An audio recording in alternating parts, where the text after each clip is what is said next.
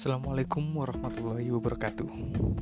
Sahabat pendengar yang budiman Pada kesempatan kali ini Saya akan membahas tentang urgensi mindset bisnis. Kenapa seorang pebisnis harus memiliki mindset yang kuat? Yang pertama adalah Karena kita harus punya niat. Innama amalu biniat. Segala-gala itu harus berawal dari niat Ketika kita mau berbisnis, kita mesti memiliki niat kuat untuk berhasil, untuk mewujudkan impian kita. Silahkan rekan-rekan membuat list impian 1 hingga 10 atau 1 sampai 20 atau sebanyak teman inginkan. Karena apa? Ketika kita mempunyai goals, otomatis kita akan berambisi dan lebih semangat untuk mencapainya. Lalu, apa selanjutnya? Yaitu adalah memiliki tekad yang bulat. Dengan tekad yang bulat, mewujudkan dari list impian supaya tercapai dengan membreakdown atau menurunkan dari list-list pekerjaan supaya target impian bisa terwujud. Bagaimana caranya untuk menurunkan atau membreakdown dari langkah-langkah supaya memiliki visi untuk mencapai misi, yaitu teman-teman membuat program kerja. Anda buat tahunan, kemudian bulanan, kemudian mingguan. Ini akan memudahkan pencapaian untuk goals Anda. Yang terakhir, adalah Anda harus membuat to-do list yang mana pekerjaan-pekerjaan yang sudah dilakukan. Hal ini untuk mengevaluasi seberapa jauh kinerja dan produktivitas yang kita sudah laksanakan. Jangan lupa untuk mindset ini Anda harus tuliskan karena dengan tertulis itu akan memudahkan kita untuk membuat perencanaan, mengakomodir pelaksanaan hingga untuk melakukan evaluasi bertujuan untuk efektif dan efisien dari apa yang kita telah buat. Itu untuk pembuka dari season mindset yang pertama nanti kita lanjutkan di season mindset yang berikutnya. Terima kasih.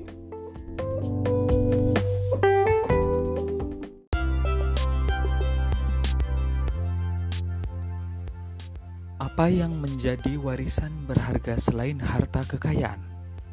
Yaitu kebijaksanaan, kearifan, kelembutan, ketaatan, dan segala kebaikan yang kita dapat menjadi warisan berharga yang tak ternilai harganya bagi anak-anak kita jika kita mengajarkan semua kepada mereka sejak kecil. Ada satu lagi warisan yang sangat bermanfaat bagi keturunan kita. Warisan itu adalah ilmu.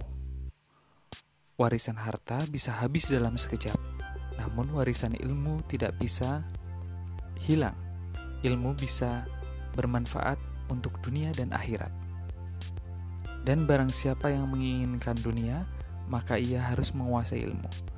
Barang siapa yang menginginkan akhirat, maka ia harus menguasai ilmu.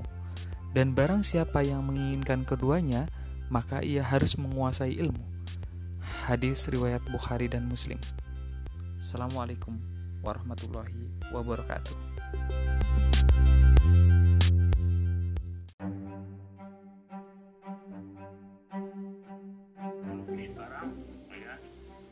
Sudah membuat lagi pesawat terbang yang super canggih ya.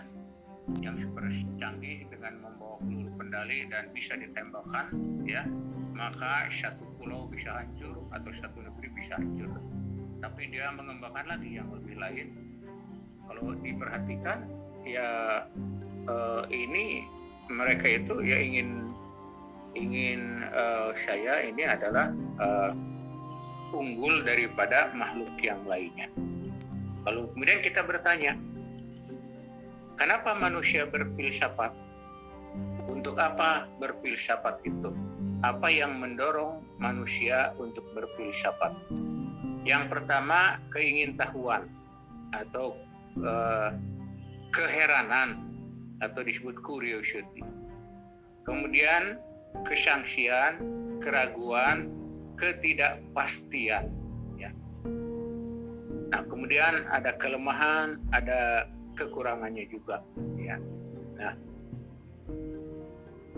ini adalah manusia uh, yang apa? Yang ingin berfilsafat, ya. Uh, manusia yang berfilsafat. Kalau kita lihat uh, gayanya itu, ya, gayanya satu, ya, terkait dengan nilai sastra, Sartre, Russell, Iqbal, ya Kemudian terkait ideologi sosial politik Karl Marx, Rousseau, Hobbes, ya uh, ini uh, para tokoh-tokohnya, ya. Kemudian terkait dengan metodologi Descartes, Popper. Kemudian terkait dengan uh, analisis bahasa Austin, Wittgenstein, filsafat dengan filsafat masa lampau, Ackerman ya kemudian terkait dengan etika dan perilaku manusia May Broadbent kemudian kita lihat lagi apa itu ilmu pengetahuan.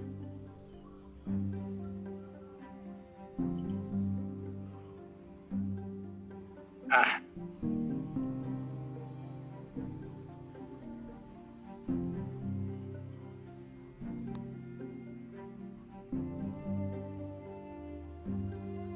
ya. Menurut kamus Oxford, pengetahuan itu adalah knowledge. Segenap apa yang diketahui oleh manusia sesuai dengan pengalaman dan pemahamannya. Ilmu atau science, a higher level knowledge, arranged in a orderly manner obtained by observation and the testing of facts jadi ini adalah pengetahuan-pengetahuan yang disusun ya diperoleh melalui observasi. Kemudian diuji coba segala macam gitu ya. Nah kita uh, baru kita akan memperoleh ilmu pengetahuan itu. Berbeda dengan pengetahuan dibedakan.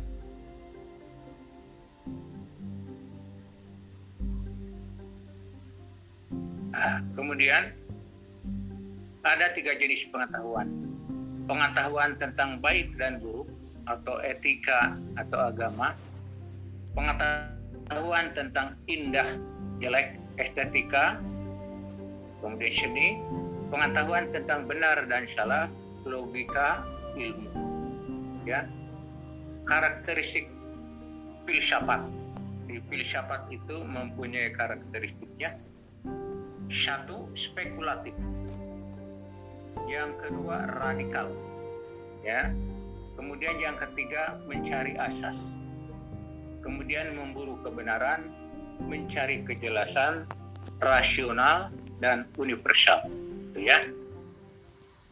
Nah bagaimana filsafat ini membaginya? Membaginya ilmu itu satu ada yang disebut ontologi apa itu ontologi? Nah, ontologi itu adalah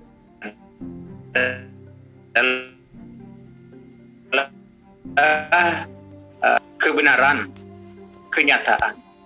Sedangkan epistemologi ini bagaimana metode tata cara prosedur untuk memperoleh kebenaran itu. Bagaimana kita mencari kebenaran itu? Nah, Inilah yang disebut dengan metode prosedur untuk memperoleh keilmian. Nah ini yang dua ini yang ontologi dibahas oleh Ibu Eni, epistemologi uh, oleh Pak Dadang, Pak Dadang ya. Kemudian aksiologi. Nah, aksiologi belum dibahas nanti saja ya. Untuk apa, mengapa dan kaidah apa yang harus diperhatikan dalam pemanfaatan ilmu demi kemaslahatan manusia. Jadi yang pertama ontologi, objek kajian filsafat ilmu itu ya. Apa hakikat ilmu? Kebenaran kenyataan. Nah, bagaimana cara kita memperoleh kebenaran ilmiah itu? Ya. Kemudian aksologi. Lima jembatan untuk memperbaiki keadaan. Yang pertama, lima jembatan.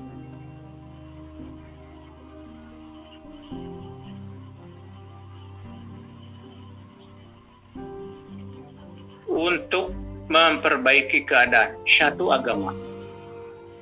Tugas rohaniawan, ulama, falsafah, ini tugas filosof, ilmu, tugas ilmuwan atau akademisi, profesi, tugas profesional, Kemudian lima, seni budaya, ini tugas seniman dan budayawan. Nah, lima jembatan untuk memperbaiki keadaan ini. Apakah saudara setuju? Ya, satu untuk memperbaiki keadaan ini, apa ini contohnya ya? Katanya satu agama atau rohaniawan atau ulama.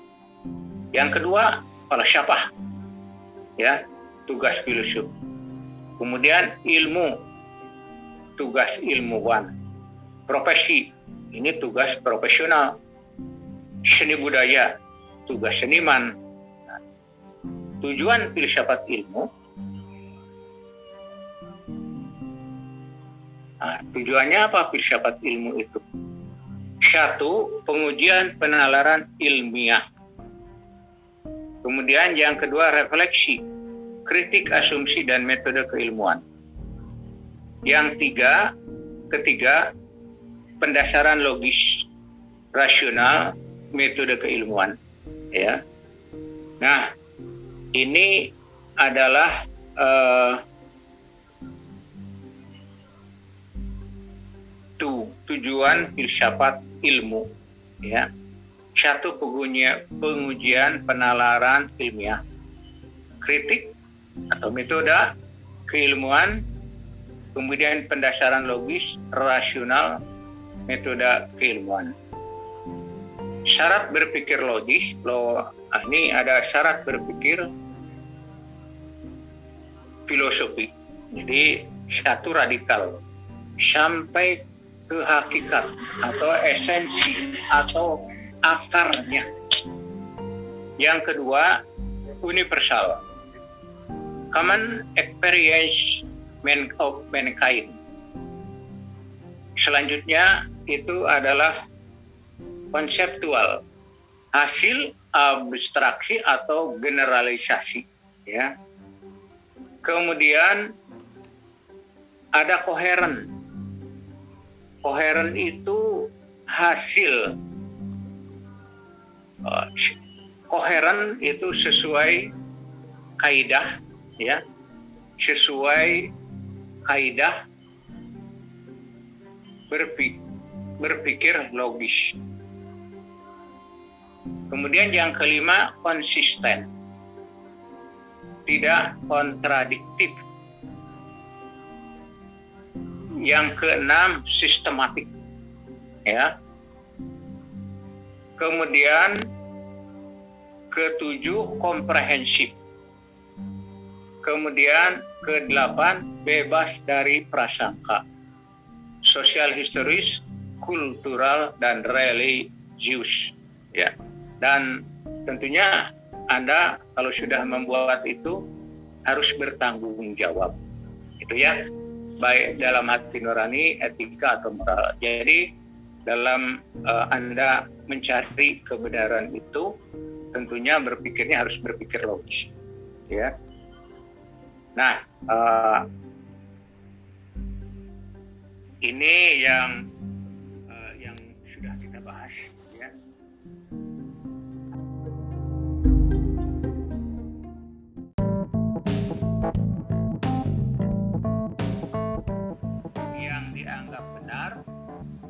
sebagai ya titik awal berangkat dalam pemahaman tentang ilmu dan bagi pengembangan ilmu.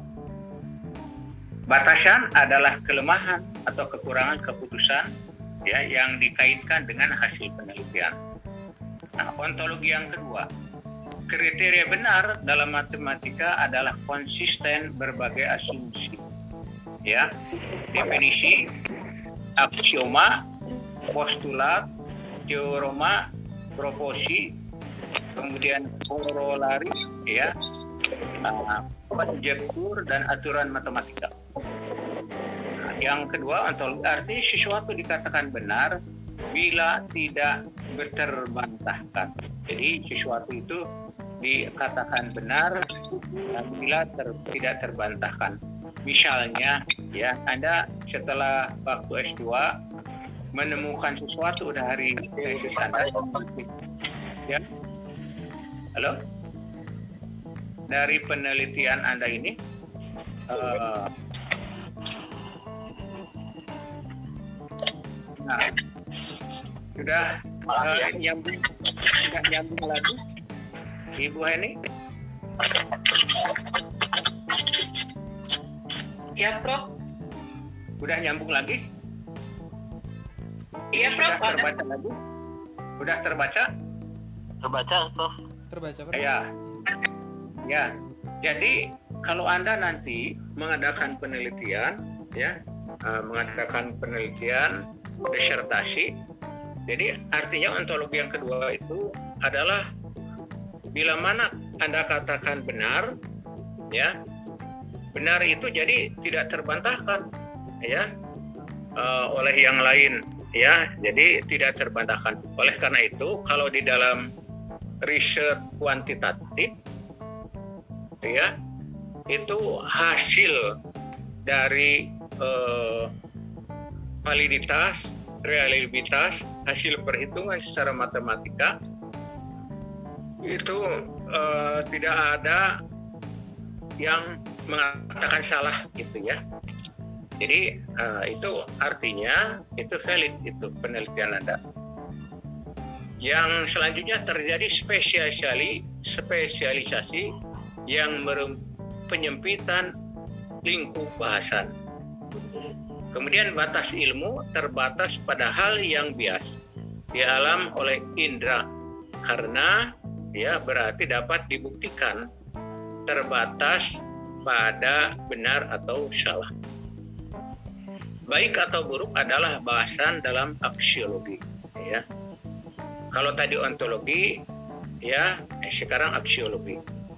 Ini aksiologi ini membahas kaitan ilmu dan moral. Ilmu bebas nilai. Perjalanan sejarah keilmuan menunjukkan bahwa ilmu pernah disebutkan sebagai bebas nilai. Jadi nah, waktu itu Bapak uh, beri uh, contoh ya tentang Galileo bahwa bumi ini uh, menurut Galileo ini tidak tidak benar bahwa itu datar. Waktu itu dibantah oleh uh, apa namanya uh, Kristen ya oleh Katolik ya atau Protestan mereka membantahnya. Ya. Nah setelah dibantah, hmm, tapi kemudian diperbaiki lagi bahwa uh, dia betul.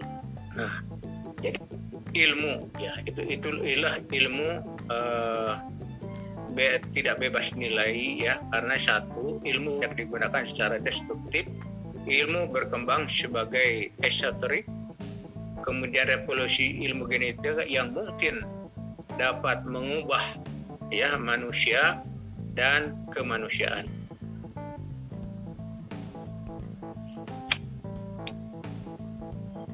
Nah, tanggung jawab ilmu menurut Surya Semantri produk keilmuan sampai kegunaan seluruh tahap dalam knowledge yang uh, cycle harus dijalankan memberi perspektif yang benar memberi contoh, dan menyadari kebenaran pilar lain yang hidup di dalam masyarakat di luar ilmu. Epistemologi, ya, epistemologi membahas metode ilmiah cara kerja filsafat ya. Satu bertitik pangkal dari pengalaman dan uraian ilmu. Kemudian melalui jalan produksi untuk mencapai pokok-pokok inti daripada pengembangan hipotesis. Dengan proses reduksi ini, maka ontologi, epistemologi, dan aksiologi dapat dimengerti dan dijelaskan oleh ilmu. Induktif penarikan kesimpulan dari data. Deduktif penarikan kesimpulan berbasis logika.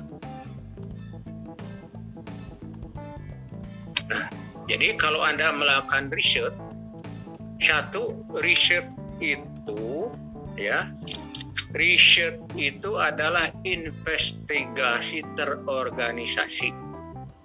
Jadi riset ya, karena uh, Anda kan setelah ini ya setelah apa namanya setelah selesai mata kuliah semuanya Anda ditugaskan harus menyusun disertasi. Disertasi ya.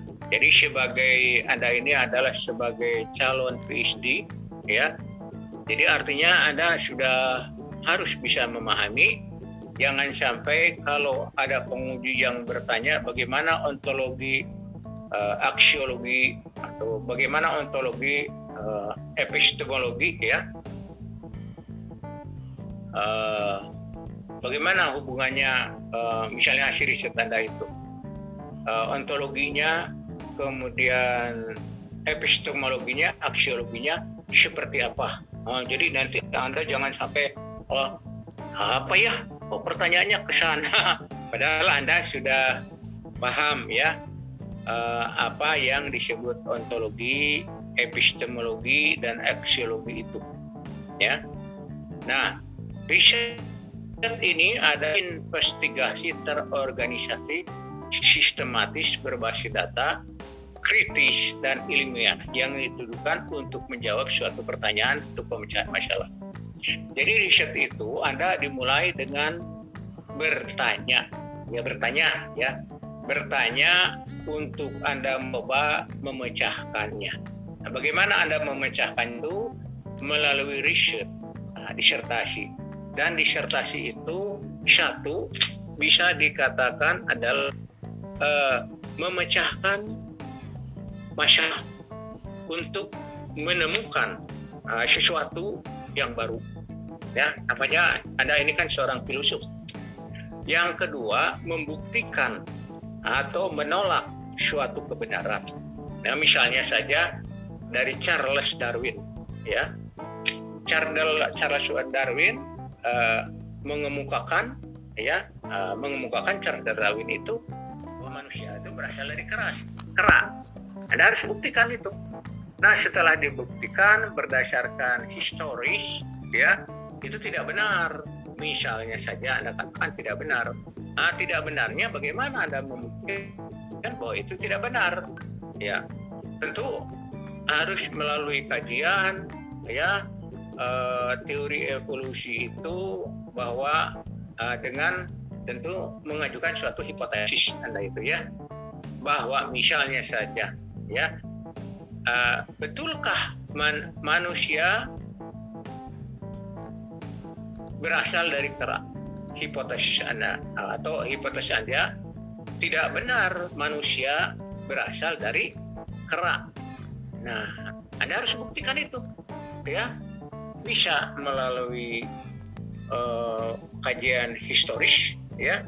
Uh, kemudian bisa juga uh, apa uh, antropologi ya kemudian bisa juga bermacam-macam ada kemukakan ya. Nah, uh, uh, akhirnya Anda mengatakan uh, ini karena menurut Al-Qur'an juga misalnya saja manusia Allah telah berfirman bahwa manusia itu diciptakan dari ya tanah ya dari tanah. Nah, dari tanah terus dikembangkan, dimasukkan ke dalam ovum, kemudian dia berkembang ya selama tujuh bulan di dalam rahim ibu, kemudian secara bertahap jadilah manusia kemudian turun ke bumi. Nah ini Anda harus mem, bagaimana Anda harus membantah uh, apa namanya uh, apa apa yang sudah ada. Nah ini jadi riset Anda juga bisa Anda lakukan dari temuan-temuan misalnya teman Anda uh, bermacam-macam terus Anda mengatakan ini tidak benar ya. Nah, oleh karena itu karena riset ini investasi terorganisasi diperlukan oleh Anda itu uh, jadi pasca menganggap Anda ini ya uh, jangan sampai Anda tersinggung bahwa saya ini kok harus dibimbing saya kan udah lebih tahu katanya ya setelah anda ini tapi bagaimanapun juga harus ada promotor untuk disertasi itu harus ada pembimbing untuk mengingatkan supaya apa riset anda ini terorganisasi sistematis berbasis data yang ditujukan untuk menjawab pertanyaan ya pertanyaan daripada masalah-masalah yang Anda kemukakan gitu ya. Nah, oleh karena itu di dalam riset disertasi Anda itu harus ada langkah-langkah yang jelas. Ya. Nah, bisa misalnya riset dimulai dengan riset question, ya, pertanyaan. Uh, misalnya saja uh, misalnya saja Anda membuat hipotesis ya. Uh, pembelajaran dengan sistem daring yaitu hipotesisnya ya. Tidak meningkatkan ya tidak meningkatkan kualitas hasil belajar. Nah, betulkah bahwa dengan uh, daring itu ya dengan yang sekarang kita lakukan itu dengan Zoom itu ini kan kan daring ini ah nggak benar itu nah, hasilnya juga nggak bagus katanya. Bisa saja ada anda katakan ini kan suatu hipotesis kemudian anda mencari data oh ini betul juga ya. Nah, jadi kalau begitu harus bagaimana? Riset dimulai dengan riset. Riset murni uh, riset terapan riset harus original. Belum pernah dilakukan dan bebas plagiarisme plagiarisme ya. Memberikan kontribusi pengembangan ilmu dan penerapan. Jadi Anda ini ya uh, jangan uh, menjiplak dari hasil lain ya gitu ya. Nah, ini adalah hasil penelitian yang dipublikasikan yang relevan, temuan ilmu atau penerapan yang baru yang bagus. Nah, ini adalah uh, bagaimana Anda harus uh, melakukan seperti itu. Riset yang ketiga ini penerapan aplikasi. Kalau S1 ya skripsi itu ya penerapan aplikasi ini lebih banyak. S2 tesis uh, 50-50. Kalau disertasi ini adalah pengembangan ya pengembangannya itu adalah uh, sesuatu yang harus berkembang. Kalau S1 hanya ya mengaplikasikan apa yang sudah ini bisa nggak dipakai ya itu ya nah visi keempat penerapan aplikasi skripsi tesis disertasi jadi S3 itu eh, pengembangannya mungkin hasil penelitiannya itu ini memerlukan sesuatu nanti yang harus diaplikasikan jadi Anda ini mengembangkan suatu ya mengembangkan suatu hasil temuan dalam bentuk konseptual.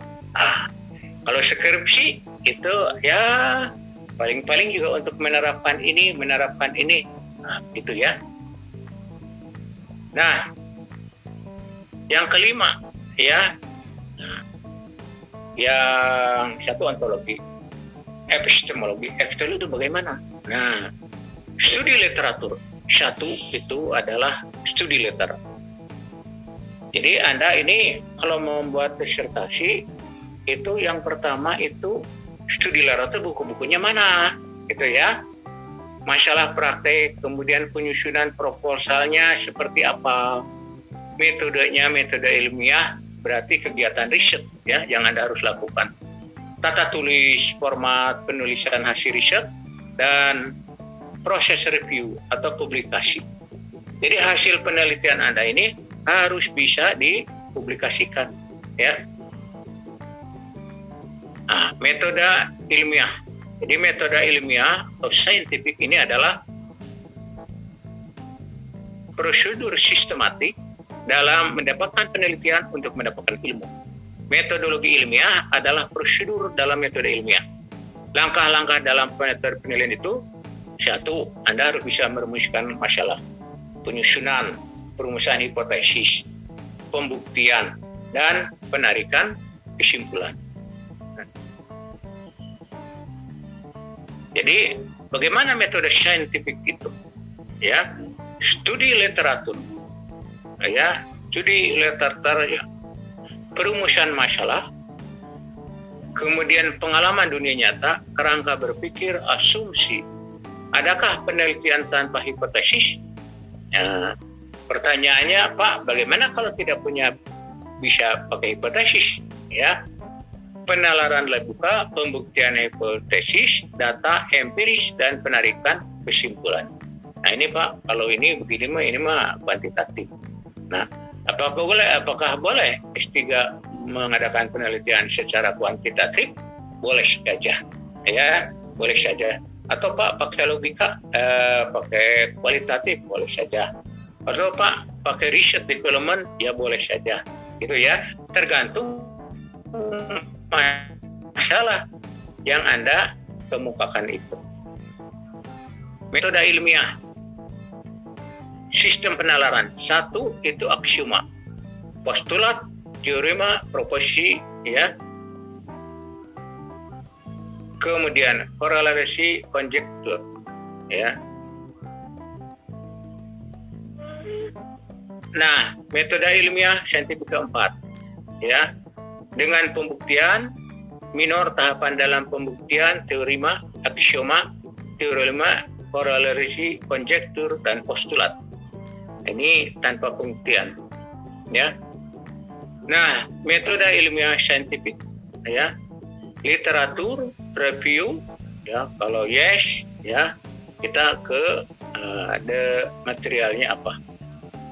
Nah data research review dan kemudian kita uh, ini kan ya kita komentar hasilnya jadi proposal research itu pengembangan research question rencana dan langkah-langkah pelaksanaan riset, metodologi riset, kemudian pelaksanaan peralatan biaya yang diperlukan.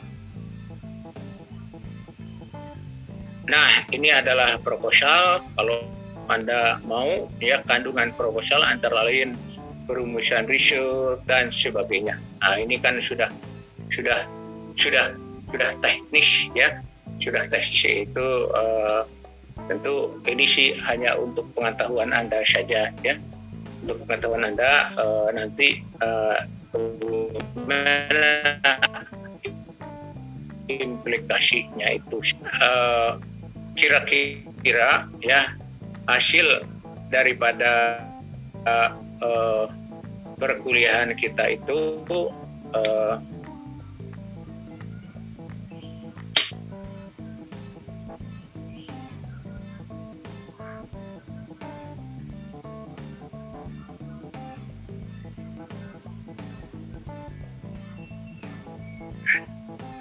Nah, jadi hasil daripada apa perkuliahan ini selama eh, tujuh enam enam ya eh, tujuh dengan sekarang, nah itu seperti uh, itu yang yang apa? Uh, yang harus anda uh, minimal itu memahami tentang masalah-masalah itu. Tapi uh, kita kembali lagi saja dengan apa? Dengan uh, filsafat ilmu itu ya. Kalau yang tadi itu bapak kemukakan uh, sesuatu yang uh, bekal saja untuk ini. Jadi yang tadi riset seperti itu mah uh, tidak masuk nanti di dalam apa?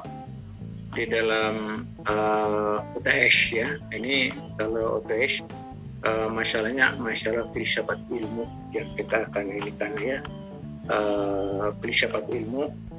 Jadi filsafat ilmu itu bagaimana? Ontologinya ya bagaimana